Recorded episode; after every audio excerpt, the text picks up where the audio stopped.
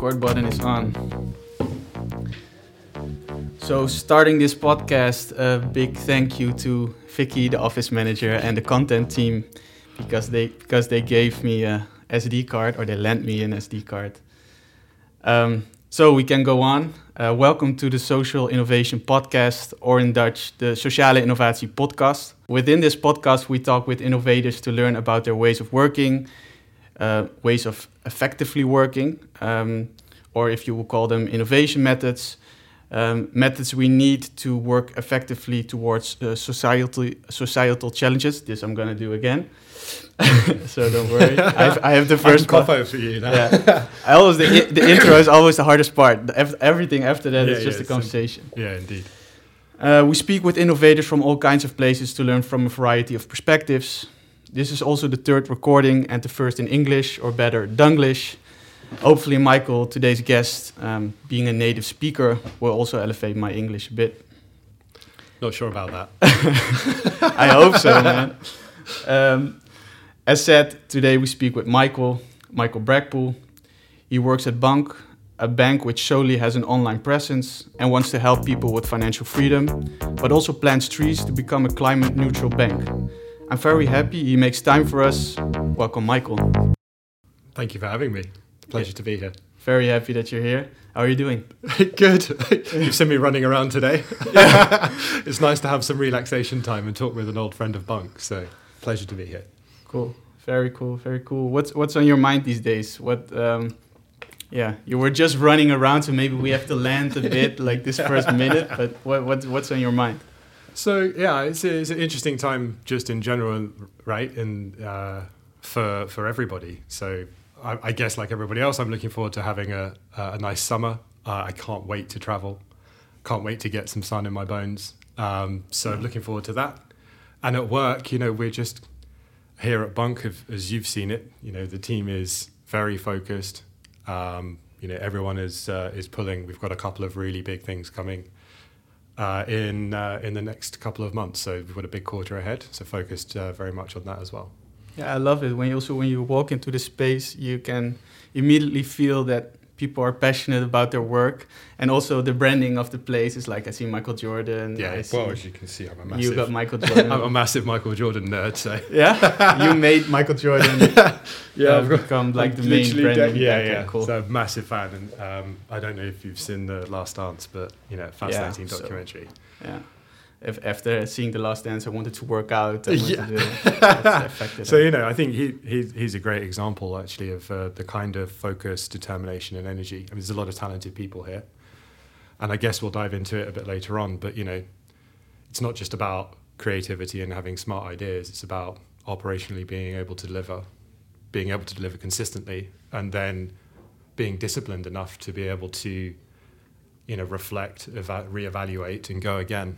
So you know, it's interesting that you picked up immediately on the kind of buzz and the vibe in the office because it's the kind of environment that you need to really drive change forward.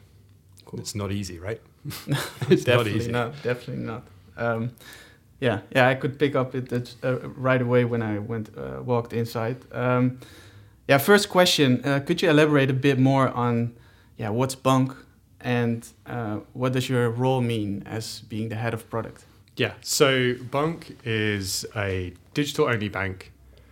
Uh, the original concept from the founder uh, Ali Niknam, a very hard-charging uh, entrepreneur, was way back. So when the uh, when the financial crisis happened, and the issue then was the monoculture of banking. Right, people didn't really have choice, choice over the banking service provider, choice about how they experienced the service, choice about uh, the products and services that were offered to them, choice about where their data was stored, choices about where their money was deposited, and he wanted to shake that up.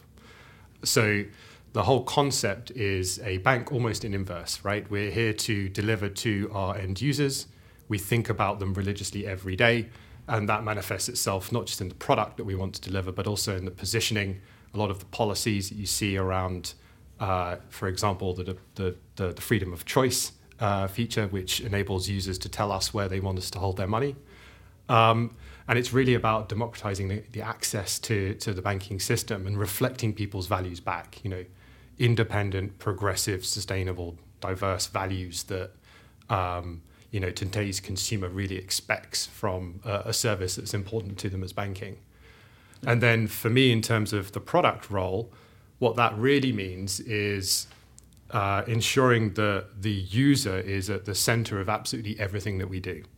So we've spent a lot of time over specifically the last 12 months building a uh, building the methods, the tools, the techniques, the thinking that enables us to be able to sense and respond to the needs of the customer um, so that we can test and validate hypotheses and move as quickly as possible. Then obviously operationalize that into production. Um, and it's been a fascinating ride. I think for me, I have never worked in fintech before. Um, I think banking is a privilege. We have a loyal set of users. They are dependent on our product every day to manage their money. Um, and that's fascinating to be able to build products that enable people every day. And again, you know, the, the wider mission for us is that we want people to be able to get more value from the money that they already have, right? So yeah.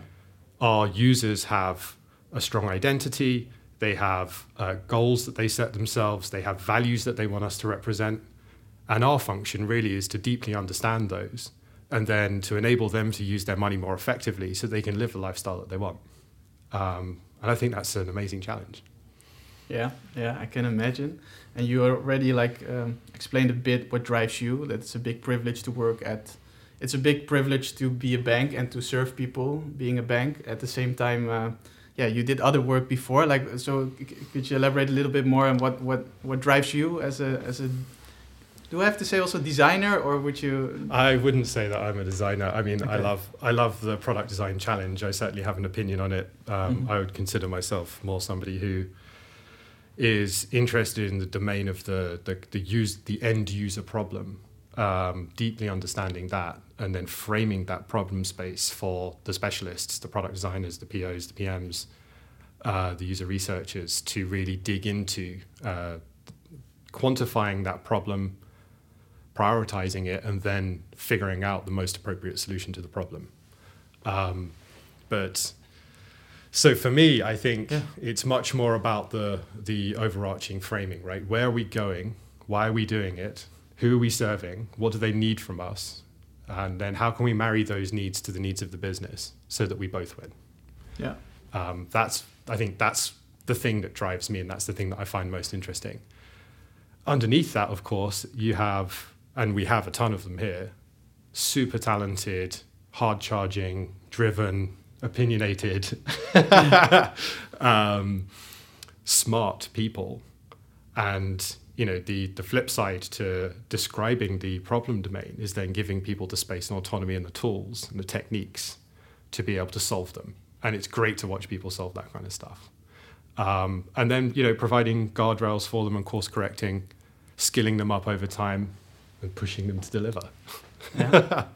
yeah. And be before we go into this, like the, this culture you have here and, and how you can deliver constantly within a company like this, uh, what, what's the balance between, because I think a lot of people that are listening, and also I had to wrap my mind around it also the last time we, we spoke, but then at some point it, it, it yeah, it, it was a clear thing, but I think you have to understand it a bit at, at first. Like, what's the balance between a company that gives you like an overview of your expenses uh, uh, and yeah gives you financial freedom because you you're more aware of what you're doing at the same time planting trees at the same time mm. putting the money of the community into other communities even like or other companies where you can invest in um, yeah what's what's the balance between those things? Like what's the, the, main mission is financial freedom and at the same time i feel like it's almost a social impact uh, factory. Yeah i think it's it, it, the where we want to start right is to enable people to achieve their own goals. And from there we can set people up to then start to enable them to have their medium and long range goals in place. And then once that happens for people, magic starts to happen, right? You know, the way that you think about the world, the stresses of work change. Um, and then you start to broaden what you what becomes important to you as you as you have more options, right? So at that point, then people are in a position to be able to consider what kind of impact they want to have on the world. And at that point, it becomes not just about them and their money. The money is simply an enabler for them that frees them up, right? So if you don't have to deal with the stress of whether you can pay for your last bill, if you don't have to stress about how you're going to be able to afford to or plan to buy your own place if that's what you want. And if you don't have to worry about the long term because you're investing little and often putting money away and we automate that for you, then you've got more mental capacity to start to think about the wider things that you want to do for yourself. And we have a ton of users that, and I think this is true. I don't want to say of, of, of you know kind of millennials and Gen Z in general, but you know they want to experience the world, right? They want to better themselves every day, Yeah. and they want to get out there and experience the world. That's also the stress of the millennials, right? Yeah. We all thinking like, what are we? What's our role within this big, Yeah. these big things happening? So everything that we do and everything that we think about is how can we make it simple for you to start to set those goals and to achieve them just by you know just by using the behavior that you already have. I'll, I'll give you a couple of examples. So um, we have a little feature called the salary sorter. Every month when you get paid you can automatically route the money at source right? So you pay yourself first f- across uh, any number of different accounts right? So the first one might be your main account. You might have uh, a an account set up for uh, bills. You might have another one that's set up for your emergency fund, just in case you know something goes bang or you know the car breaks down or whatever, and you want to have yourself covered. yeah. Then you can set a bunch of other additional savings goals. You want to go and explore the world, you set up a savings goal for it. You want to uh, get a deposit for a flat, you set up a savings goal for it. You get paid, the money uh, gets routed according to the percentages or the amounts that you want to go, and you don't even have to touch it. Like Right. you're a company and yourself. Like, yeah, uh, exactly. So you get paid. You don't you don't see the total amount in your main account and then think to yourself, well, I have to divide this up. It's you've already made the decision. We just automate it.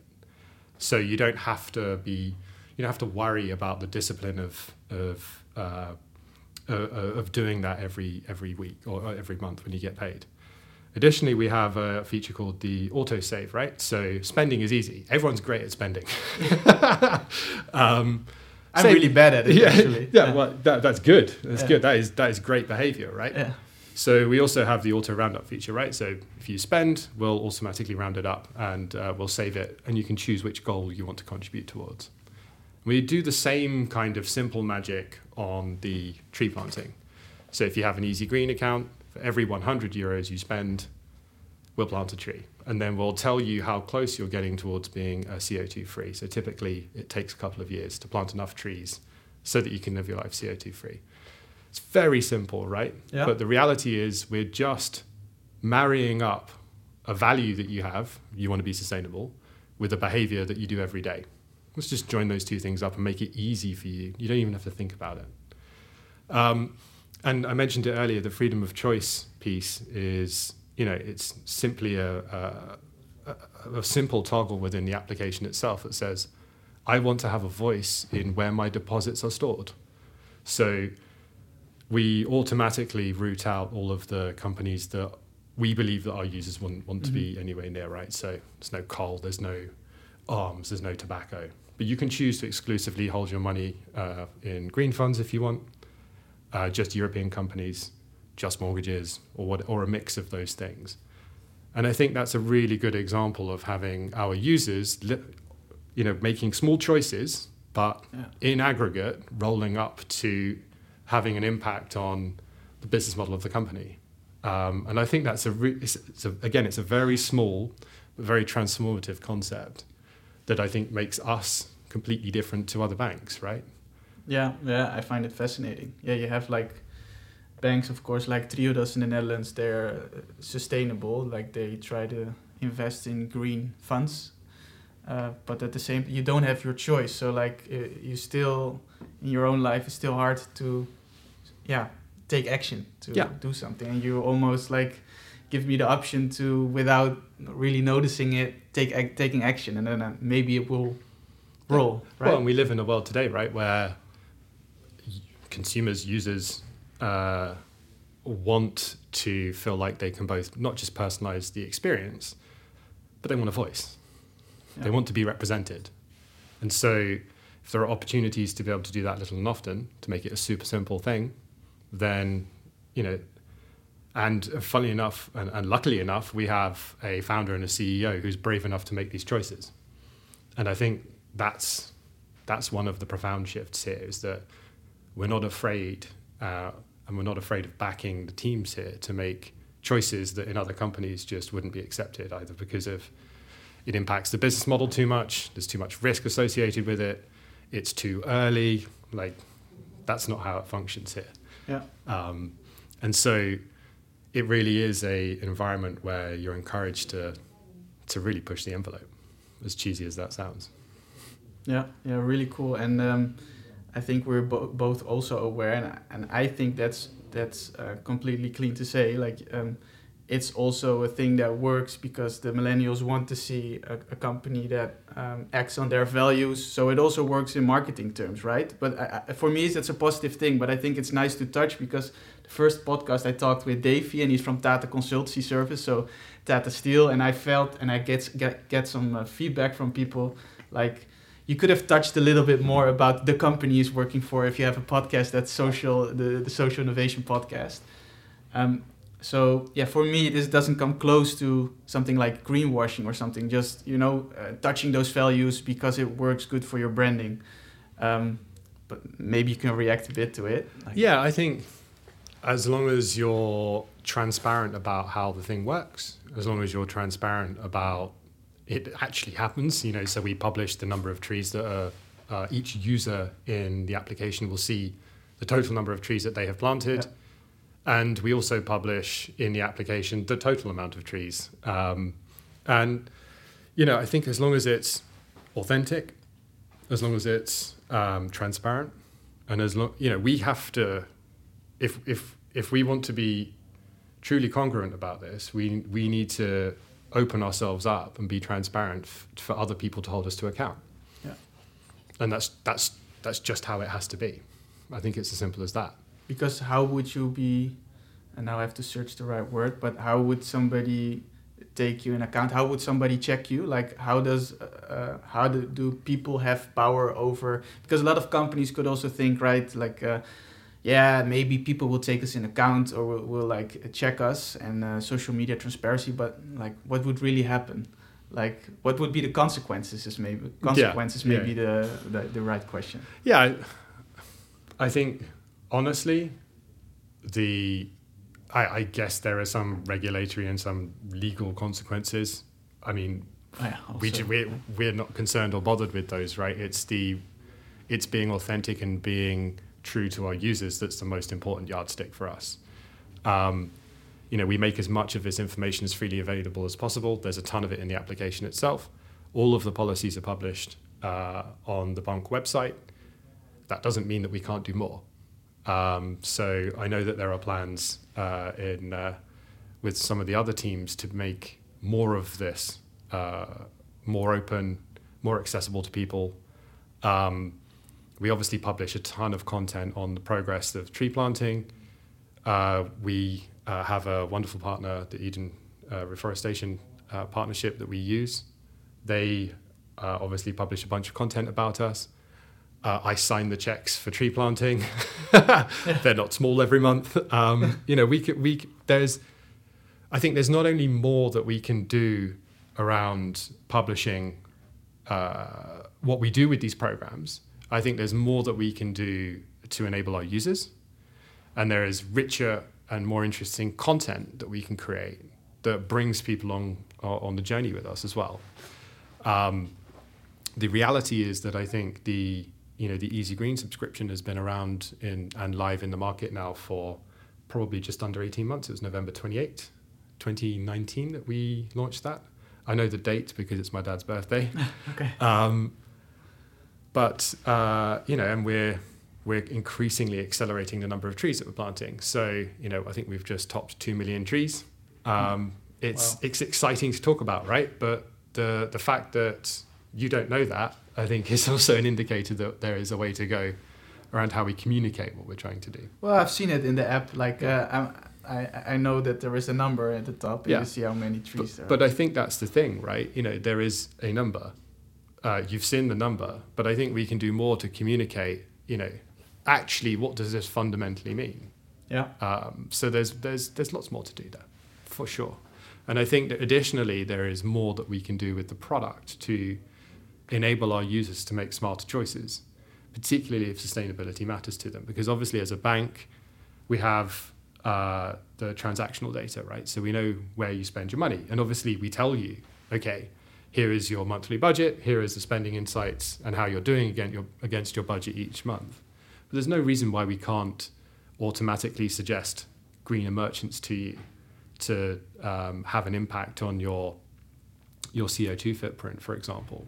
So obviously we're proactively planting trees as you spend, but we can also do more to help you to uh, more sustainably spend the money that you need to spend anyway, and then we can we can help you at both ends of the spectrum.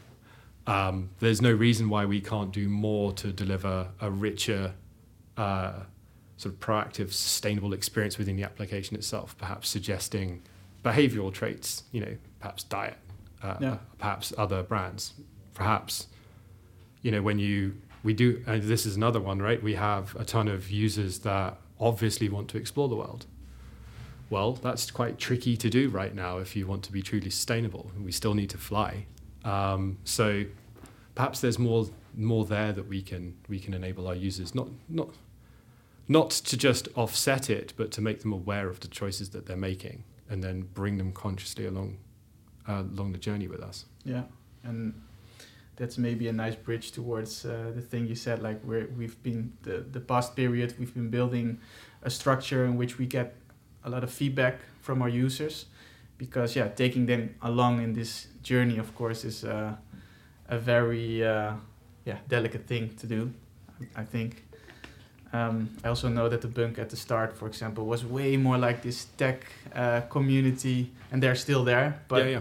it's like and then the sustainability community it's like a lot of communities uh, yeah joining forces or maybe sometimes still living separately um, and some time ago you also told me that you were working on this big project of um, mapping the whole or- organization structure into a service blueprint Yep.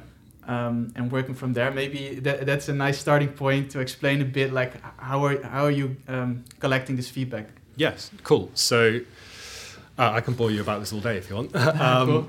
The I think the, the the backstory here, right, is that bunq is uh, is a company that has always moved incredibly quickly, and it continues to do so today. You know, we have a founder that is uh, you know hard charging. He has a vision. Um, he's committed to it. Happy to take risks and make bets.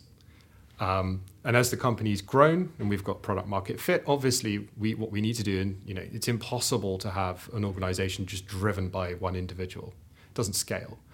Um, so Ali is keen to flip the model all the way around, right? So instead of having a classical hierarchy with the, the CEO at the top, actually when he draws the org chart, he sees himself as the bottom. He calls himself the janitor.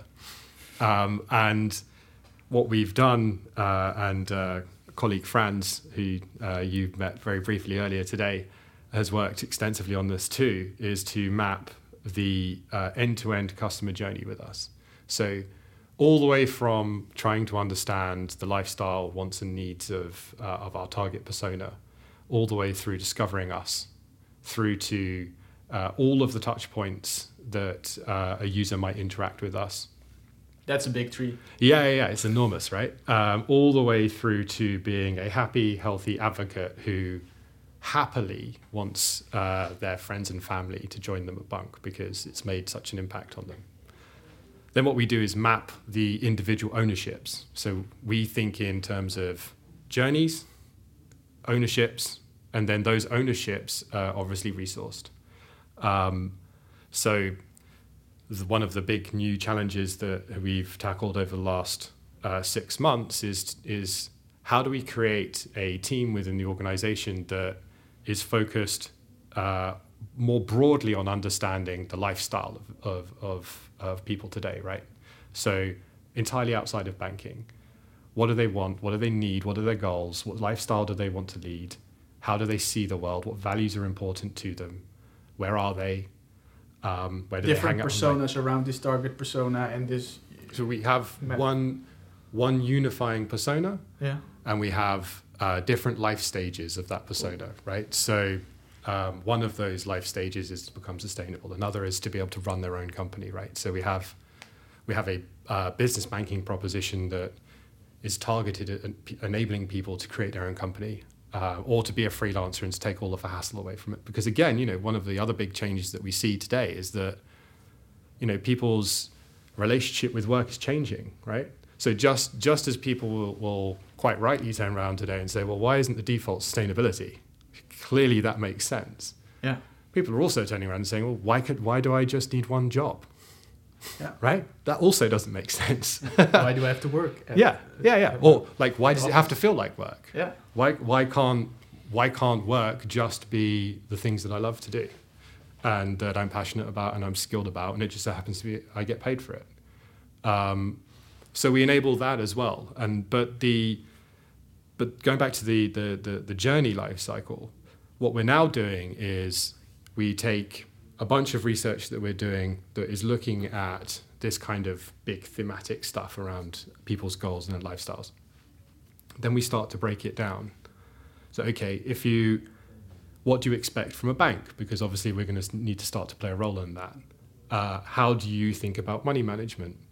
Um, what other additional products do you believe you need but uh, don't quite either meet your needs, represent your values, uh, or aren't, uh, don't provide you with a simple user experience? And additional products in the sense of it could also be um, uh, hacking my day to day in supplements, for example. Uh, other products next to banking. Yeah, yeah, yeah. okay. So the reality is that what we want to understand is, um, you know, how does how does how does this persona live their life? They, we see a lot of uh, mindfulness, right? Um, uh, which again, you know, trying to pick up to it every month again or every quarter. Every every quarter, I have this goal of like, okay, this time I'm gonna do every morning. That's where I'm now. Ten minutes of meditation. Just yeah. Of course, there are other ways to be mindful, but Of course, but you know, you need to look after your basically your body, mind, and wallet, right? Uh, and if we can help you to, if we can enable the lifestyle, right, that you truly want by helping you to handle your finances, that's one less thing to worry about, and a ton of other things that you can explore because you're in a better position to be able to do so. So we want we want to study what those wants and needs are and what your end goals are and then we want to create really simple products that enable you to to to achieve them and i've just said products then but the reality is that a level above that is that we want to deliver an experience that enables you. Um, the explain. product. What's the difference. yeah. So the so the products right should should enable you on on your journey. And i think the big change here is moving away from an organization that is incredibly good at production to an organization that is focused solely on the healthy user behavior, right? Uh, and user behaviors are, uh, are delivered by flows and not features. And the outcome is the only thing that matters, right? So it's not about the feature, which doesn't guarantee anything. It's not about the product. It's not about the proposition. It's about how we as an organization enable the end user to have clarity about what their end goal is and how they're going to achieve it. Impact versus results. Exactly. Exactly. So it's about outcome over output, to Yeah. steal a wonderful phrase. And that's precisely what we are trying to really institute within the rest of the company. So it's if we al- if we deeply understand the need and we deeply understand the behavior that we need to incentivize in the end user, so the healthy behavior that is good for them, and we can align that to a business result that's good for us, everybody wins. And then the reality is that you can it then starts to open your mind to all of the choices that you can make, right? Because as a product person, it's very simple to be, well, the answer is clearly more product. Yeah. and that's just not simply true, right? True. It yeah. could be or not simply true. yeah, yeah, quite. You know, I think, but it's it's too easy just to decide to build more stuff. Um, and the reality is that if you want to enable a beautiful experience and that it's therefore all about uh, enabling this kind of behavior, more features, more clutter, more bloat actually prevents you from enabling that. So it makes it harder, right? Because you have to you have to fight all of the instincts that you normally have as somebody who wants to create something. Um, and behavior, the right behavior for the end user, is the end goal. But it's other than in the data, it's somewhat intangible sometimes. Um, and so that means that it, it requires a different kind of mindset. Um, and that's interesting, right? It's Yeah, interesting cultural change. Uh, I think it's I think the fruits of this work will be felt by our end users over time, and I'm hoping that uh, you know it will lead to more people achieving their outcomes and really delivering uh, value for them. So it's exciting. Yeah. So if I would think of an example, sports, for example, a healthy lifestyle next to having uh, financial freedom Yeah, or overview, then the, the, the easiest way to think about this would be um, creating like a, a big screen, so like a big feature that says, um, and maybe it's not too big, but um, it's more like a question.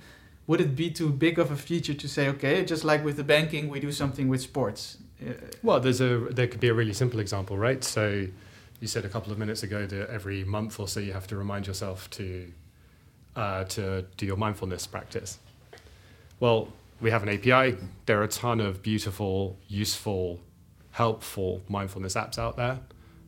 Why wouldn't you? Why wouldn't we incentivize you by saying, you know, creating a little add-on within the application that says every time you complete your daily mindfulness activity, well, you know, you choose the amount of money that you want to contribute to your savings goal. yeah. You achieve your savings goal. Okay, cool. Now we can travel. Very cool. Or you know, you do you do your ten thousand steps a day. How much? Like just automatically. From So- your iOS. To Yeah, your, exactly. You know, small, useful things like this that reinforce the good, healthy behavior for our users. And there's a ton of stuff that we can we can explore there.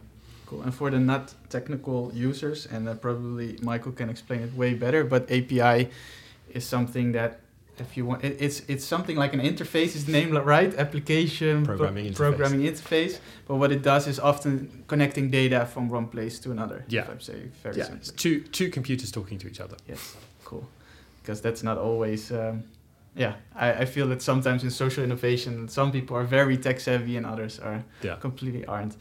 Um, can you um, explain a bit more about, um, for some people, maybe also service design thinking is not um, a thing they commonly use. Um, and you talked a bit about those uh, personas or those um, uh, life phases of, uh, of those personas, of this target persona. What how do i have to imagine this thing is it on a an, on a big wall and like is it like every single little step that you uh, that, that you drawn down on a board with everything that like can you explain a bit to the people listening like what's on the surface blueprint and particularly on this one Yeah. So um, broadly speaking, there are three, right? Um, we think of our uh, recruitment journey exactly as we think about uh, the end user journey, right? So again, there's a there's a concept here about inside is outside. So we think so that means that the way that we think, the artifacts that we create, the processes that we create, the content that we publish internally, we should also make that available externally, and we should treat people on the outside as we treat people on the inside. Um, so we've mapped the journey end to end on the recruitment side. We do the same for the operational side of the business. Uh, and of course, we do it for the user journey. So that starts with the research team. So we have the, a team called the Understand Eva team, and Eva is the name of our persona. That's made up of uh, six people uh, who are just studying the end user. They run experiments every week. So they form. So what they'll do is they'll uh, analyze the behavioral data. If uh, they're focused on the journey, they'll look for blockers and boosters. You know, what's preventing the user from getting from A to B? How can we solve that? How can we get more beha- people to behave uh, healthily? How will we know if we're right? Form a hypotheses. Typically, we'll use a lean UX canvas. spin up a hypothesis, create an experiment. Uh, we use usertesting.com. We'll create a prototype, and then we'll spin up uh, typically probably five to ten of those a week. On the other side, where uh, there's somebody who's uh, who spends the whole week forming hypotheses for surveys, uh, who will target the persona in all of the core cities that we care about, and we'll start testing. How do you think about X? What do you think about Y? You know, if you could solve uh, this problem, you have to choose one of these solutions. Which one's least important? Which one's most important? Show different screens. Yeah, yeah. Um, we run a ton of interviews every week. We have users uh, in, in, the office, um, which has been kind of tricky with uh, COVID, but obviously with some restrictions, it's possible. Um, and the idea here is that we we just want to learn, right? We just want to spend the time, effort, energy, and money f- learning about how how people go about their daily lives and what role we can play in it. Uh, we also just want to optimize the core touch points. So it's great to have a couple of people in the organization, regardless of where they sit in the end journey, in the not in marketing, not in product, not in the service teams, who are just metering and measuring the flows, saying, ah, I think there's a problem here. Uh, we see that users are bumping into an issue. Why? A user res- research team. Yeah, so, yeah, yeah. yeah. Um, the other half of the team is focused on service delivery and training. So obviously we have uh, a ton of uh, people that are constantly in touch with our users via um, the support functions, right? Yeah. So we call them guides, and their role here is really to enable our users to be able to uh, get out of bunq what they need. So, uh, and this is a fairly new function, is to really start thinking about how we train our guides to deliver the end user success. So we're not here to solve specific tactical problems. We're here to enable our users to achieve whatever it is that they want. Because um, that sounds like a, challenge. If I'm looking at the day to day of somebody in customer service, it's really, really busy. Uh, you're, you're, you're, talking to a lot of fixing a lot of problems. Like uh, it must be challenging also to be a guide at the same time. Yeah, 100%. I think the the difficulty here, of course, is that we need to move away from a transactional relationship. I am here to solve your ticket. To I am here to help you to achieve your goals, and it just so happens that I need to enable you along the journey at this particular stage. It's a mindset shift for sure, um, but if we want to be true to delivering to our users, then it's a change that we need to make. So that starts with uh, training the guides. Uh, it means ensuring that we have all of our knowledge base widely understood and updated for our internal people and for our users. It means uh, ensuring that we have coaching for the guides all the way along the journey. And it means that we have quality control standards that we, we evaluate, we understand what's going on, we figure out where we can get better, and then we, we institute uh, and upgrade our practices. Yeah.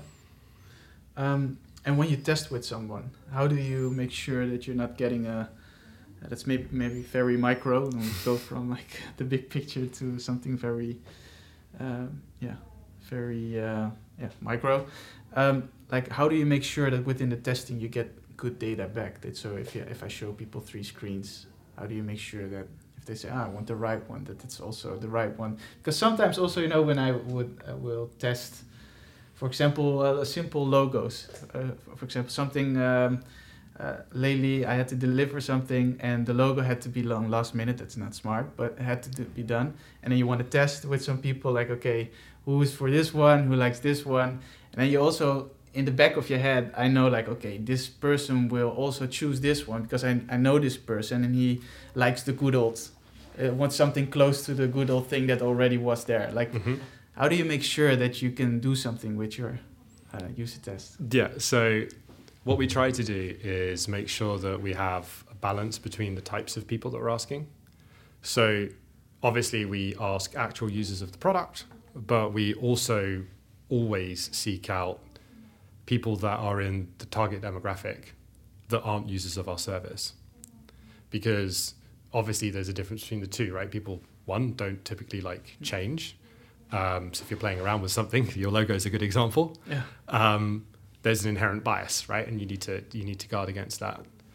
Uh, the second is that obviously we want to ensure that as our company grows and the values that we hope that we properly represent for our users become more mainstream and banking as a uh, this type of banking becomes a mainstream thing. We need to make sure that what we do is simply understood by people that wouldn't necessarily seek out what people originally think of us as a techie bank, right? Yeah. So that voice has to counterbalance the people that know us very well, the people that probably are more interested in some of the cutting edge stuff that some other use the wider mainstream audience is is just not that interested in. So we balance the different types of groups, and then we do uh, we split it by trying to understand one the behavior. So entirely outside of um, we just watch people, right? So we can either do that as a prototype test, we can do it as a just a study over someone's shoulder, we can do it as a video.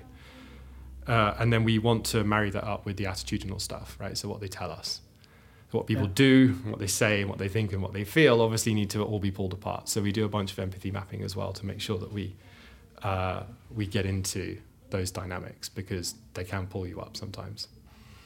Man, this is so cool. You're really practicing so much of like I think what how they co- tried to coin design thinking back in the days, right? It's like it's, it's really impressive. It's hard work, honestly, because it's easy. Like like I said earlier, it's just easy. It's easier just to be like, right, well, we'll build it. yeah, And so, you know, very tempting. Yeah, of course, because you know, who isn't in love with their own ideas? Mhm. Of course, I'm right. Yeah. but um, you know, I think what it really means is, and you know, I certainly can get better at this, is just saying no to stuff more.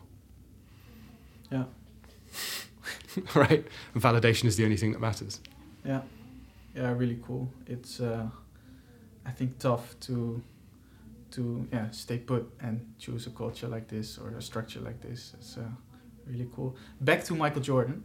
Yeah. Um, because at the start you also said uh, it's about good ideas. It's about um, creativity somewhere, but it's way more about constantly deliver- delivering, delivering. Yeah. Um, yeah, hard word. Um, is um, yeah, could you tell us a little bit about more about this? Like, how do you make sure that uh, you've got a culture that's not only about creativity and finding insights? Because I I know from experience, finding insights can also be at some point something like uh, you you go into your room and you after you've got the data and you try to find out what it is and you go into new brainstorm. So it can also be uh, some yeah everything can be a trap in some kind of way. Yeah, right? yeah. So you know, as ever with all, any kind of design challenge, constraints really important, right? So that's in. So there are multiple levels really. The first is that we spend a lot of time and effort figuring out what the OKRs should be each quarter, and so, you know, for me, that's about creating a space that says to the teams, these are the critical spaces that we need to solve for uh, and this should be your focus. So if you align the objectives for the company and the user by spending time figuring out your objectives and then defining the key results that you need the teams to deliver, that's the first step, I think. The other is that we we work in we basically work in weekly sprints here, and it doesn't really matter in what team you're in. Um, so uh, I'll give you an example. So the one of the guys that I mentioned earlier doing the experimentation, uh, Daniel, whose uh, girlfriend actually has just had a baby, so congratulations to him. Um, he works to uh, uh, the same cadence every week. So on a Monday, he'll uh, plan the, and form his hypotheses, right? So which are the most important journey issues that we need to understand this week? So he simply uses uh, RICE prioritization, just another stolen idea. Um, Rice. RICE, yeah. So reach, impact, confidence, and effort. Uh, and so we create a simple score that enables you to essentially take, okay, we've got 10 things on the list. Yeah. Very quickly score them, form the top three. Yeah. Let's go with those. Um, and then he'll form his hypotheses, he'll formulate a test, he'll formulate he'll choose the appropriate way to experiment. Um, he'll most times he'll need a prototype. So um, we have uh, wonderful designers here that spin stuff up very quickly. And then he'll get his tests up and running at Tuesday lunchtime. Then uh, by Thursday, he'll have got his results and he'll spend the rest of the day figuring out okay, what did we learn? Did it meet the expectations? Is there something surprising in here? Yeah. Um, is there a piece of insight that means that we need a follow up test next week? Uh, or have we got enough conclusions to kill this thing or potentially then say to maybe the uh, website team or the activation team in product we had hypothesis x we saw z um, we think there's enough here for you to run an a-b test on production to further validate um, this, Yeah. this idea and then that's the handoff then into the production teams he'll then circle back round the following week, right? And then we report all of this stuff, uh, report it to Ali, I report it to my peers, and then we try and push it as much as we can across the organization to share as much of that insight as possible. Um, it's by no means perfect. I've got a bunch of work to do there. um, but uh, we do that for our user surveys, we do it for the journey, we do it for the localization And team. everything has to go through like full cycle in one week. Yeah. Every survey also, it's Yeah. being made, being. Yeah. Even response is within this time. So we we use Google Surveys. Um, so Boris, I'll give him a little shout out, uh, is responsible for that.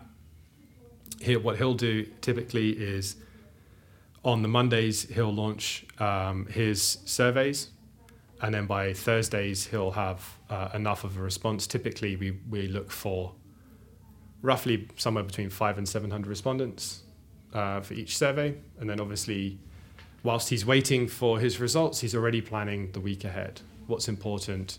What do other people in the business need to understand about our users? How can we possibly tackle that?